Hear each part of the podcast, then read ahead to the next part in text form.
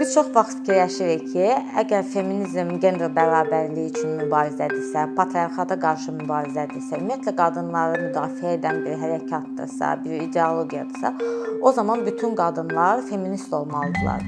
Amma niyə bütün qadınlar feminist deyil?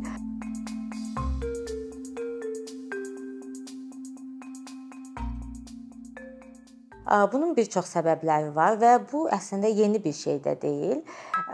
Biz tarixə nəzər salsaq, görərik ki, elə 1908-ci ildə ilk antifeminist təşkilat Britaniyada qeydə alınmışdı. Təşkilatın adı səs verməyə, səs vermə hüququna qarşı Milli Qadınlar Liqası idi. Və bu təşkilat məhz o zaman bu sufrajetlər var idi. Məhz qadınların seçilmə hüququnu almaq üçün mübarizə aparan aktivistlər, aktivist qadınlar idi və bu həmin antifeminist qadınlar da bu sufrajetlərə qarşı, bu qadınlara qarşı bir təşkilat yaratmışdı. Ondan sonra bu yaxınlarda da 2014-cü ildə qadınlar feminizmə qarşı bir hərəkat başladıldı. Xüsusilə Twitterdə, sosial mediada niyə mən feminist deyiləm deyə qadınlar bir poster yazırdılar və bu posterlər belə rəsm çəkirdilər və izah edirdilər ki, niyə onlar feminist deyil. Hətta bu hərəkat, bu antifeminist hərəkat bir çox memlərə, sonra parodiyalara səbəb oldu. İnsanlar başladılar bu antifeministlərə gülməyə və aşırı orada bir çox şey bəlli oldu ki, əslində bu antifeministlərin bir çoxu yanlış təbliğatın qurbanıdırlar. Onlar ümumiyyətlə feminizmin nə olduğunu bilmirlər. Çünki aralarında belə bir posterlər var idi ki, biz mən feminist deyiləm, mən bərabərlikçiyəm. Ki əslində bu özü feminizm haqqında məlumatsızlığı göstərirdi. O posterlərə baxanda məlum olur ki, əslində antifeministlərin bir çoxu feminizm haqqında miflərin qurbanıdırlar. Bəs bu miflər nədən ibarətdir? Birinci mif ondan ibarətdir ki, feministlər mütləq şəkildə hər hansısa bir görünüşə və yaxud daxili və yaxud xarici görünüşə sahib olmalıdırlar daxilən məsəl üçün mütləq şəkildə maskulin olmalılar, aqressiv olmalılar.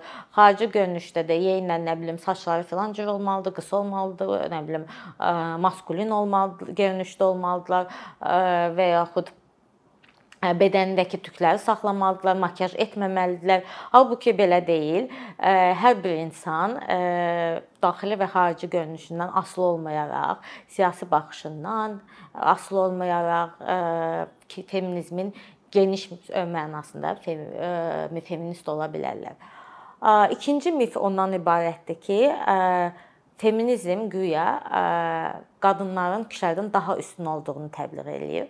Halbuki əsrlər boyudur ki, biz feministlər deyirik ki, feminizm məhz bərabər hüquqlar üçün və bərabər imkanlar üçün olan bir mübarizədir və burada heç bir kişinin və yaxud qadının bir-birindən üstün olmağı, əksinə hər hansısa bir insanın cinsindən, irqindən, etmili, etnik mənsubiyyətindən dolayı üstünlüyünə qarşı olan bir mübarizədir.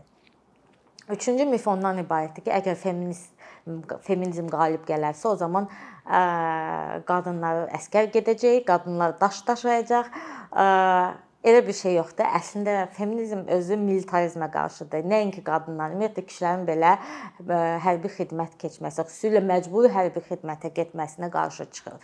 E, əgər e, kimsə istəyirsə, o daşa daşıya bilər, cinsin anası olmayaraq istəyir, avtobus sürücüsü də ola bilər, həkim də ola bilər, müəllim də ola bilər. Məhz cinsindən dolayı hər hansısa bir qadına sən filan işdə işləyə bilməzsən deyə deyilməsin daha həmin qadını aparıb mütləq şəkildə daş daşıtdırılmasın və yaxud nə bilim mütləq şəkildə xüsusilə hərbi xidmətə göndərilməsi demək deyil. Tam tərsidir. Dördüncü mif ondan ibarətdir ki, güya artıq bərabərlik təmin olunub və hüquqlar bərabərdir və problem həll olunub. Bu da yanlışdır. Birincisi hüquqlar hər yerdə, hər bir yerdə, dünyanın hər bir yerində təmin olunur. Hətta Azərbaycana baxsaq əmək məcəlləsinə baxsaq biz baxarıq ki, yenə də orada müəyyən işlər qadına buraxılmır.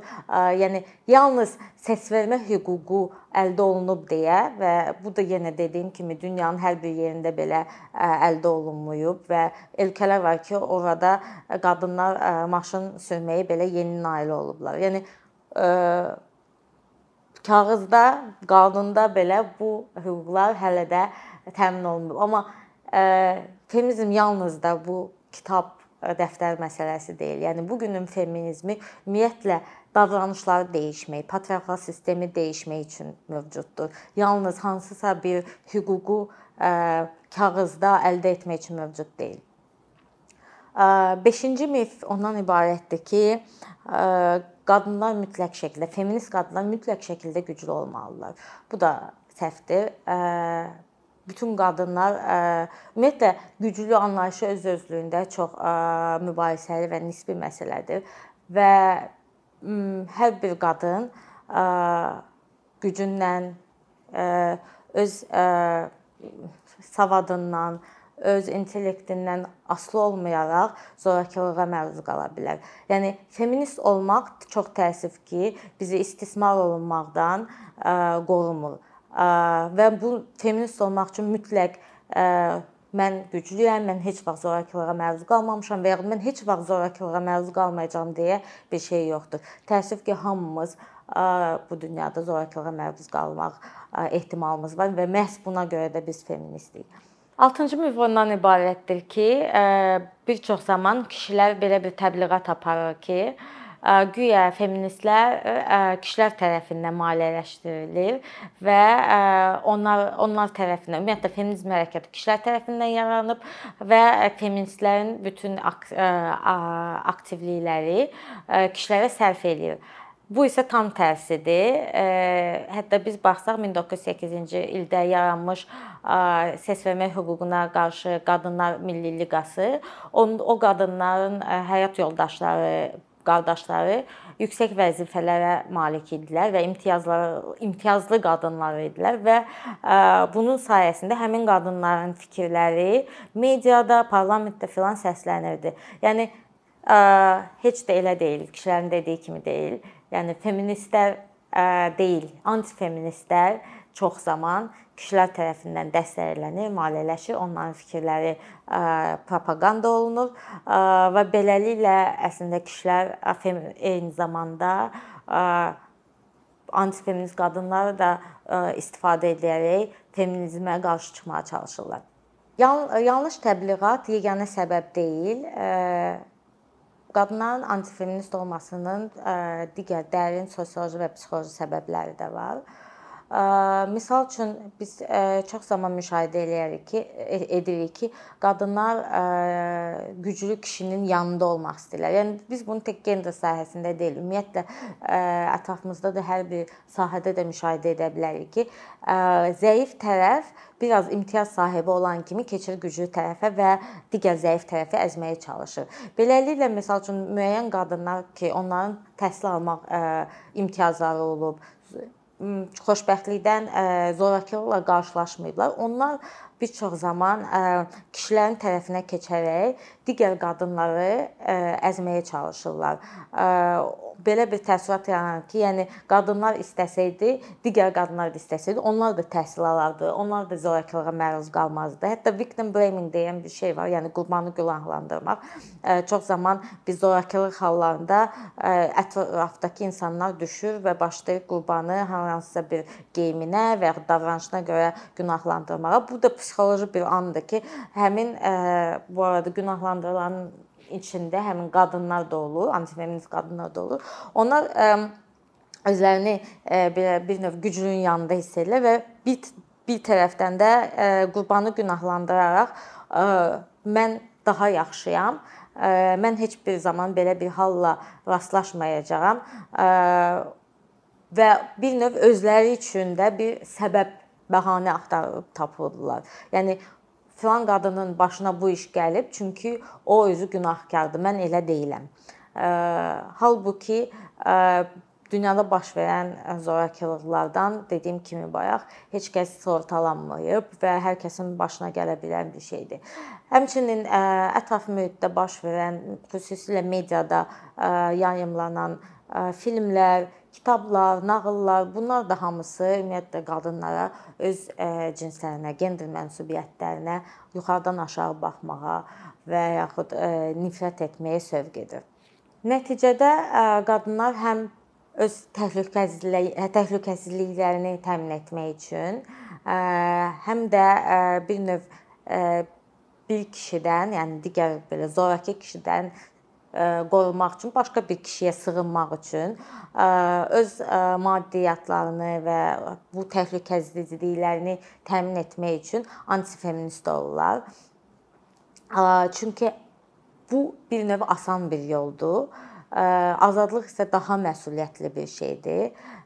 Bir çox zaman bu seçim qarşısında qalanda qadınlar bir növ daha asan, amma daha miskil bir həyatı seçirlər. Halbuki onlar azadlığı seçsələr, təbii ki, bu daha çətin olacaq, amma daha şövqlü, daha keyfli bir həyat sürəcəklər, daha istədikləri bir həyat sürəcəklər.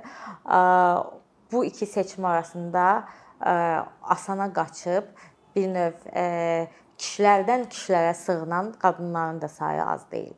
Qadınların feminizmə qarşı olmaqlarının digər psixoloji problemi də odur ki, onlar keçmişdə çox böyük bir zorakılıqla rastlaşıblar və nəticədə onlar bu zorakılığa qarşı çıxmayıblar və indiki zamanda bu zorakılığa qarşı çıxan qadınlara bir növ qıcıq olaraq, qıcıq yaradır onlarda bu buna itaət etməyən, zorakılığa qarşı çıxan qadınlar. Əslində bu bir çox zaman biz hətta görürük ana qızlar problemi, qaynana gəlinlər problemi, ümumiyyətlə nəsillər arası problem. Bunun çox-çox dərin psixoloji belə deyim də tarixçəsi olur və bunu aradan qaldırmaq da çox çətin olur. Çünki həmin insanlara onların keçmişdə seçimi olduğunu və yaxud indiki zaman seçimi olduğunu izah etmək çox çətin bir ağırlı prosesdir. Yəni onlar qəbul etmək istəmir ki, keçmişdə onlar qarşı çıxa bilərdilər və daha yaxşı həyat sürə bilərdilər.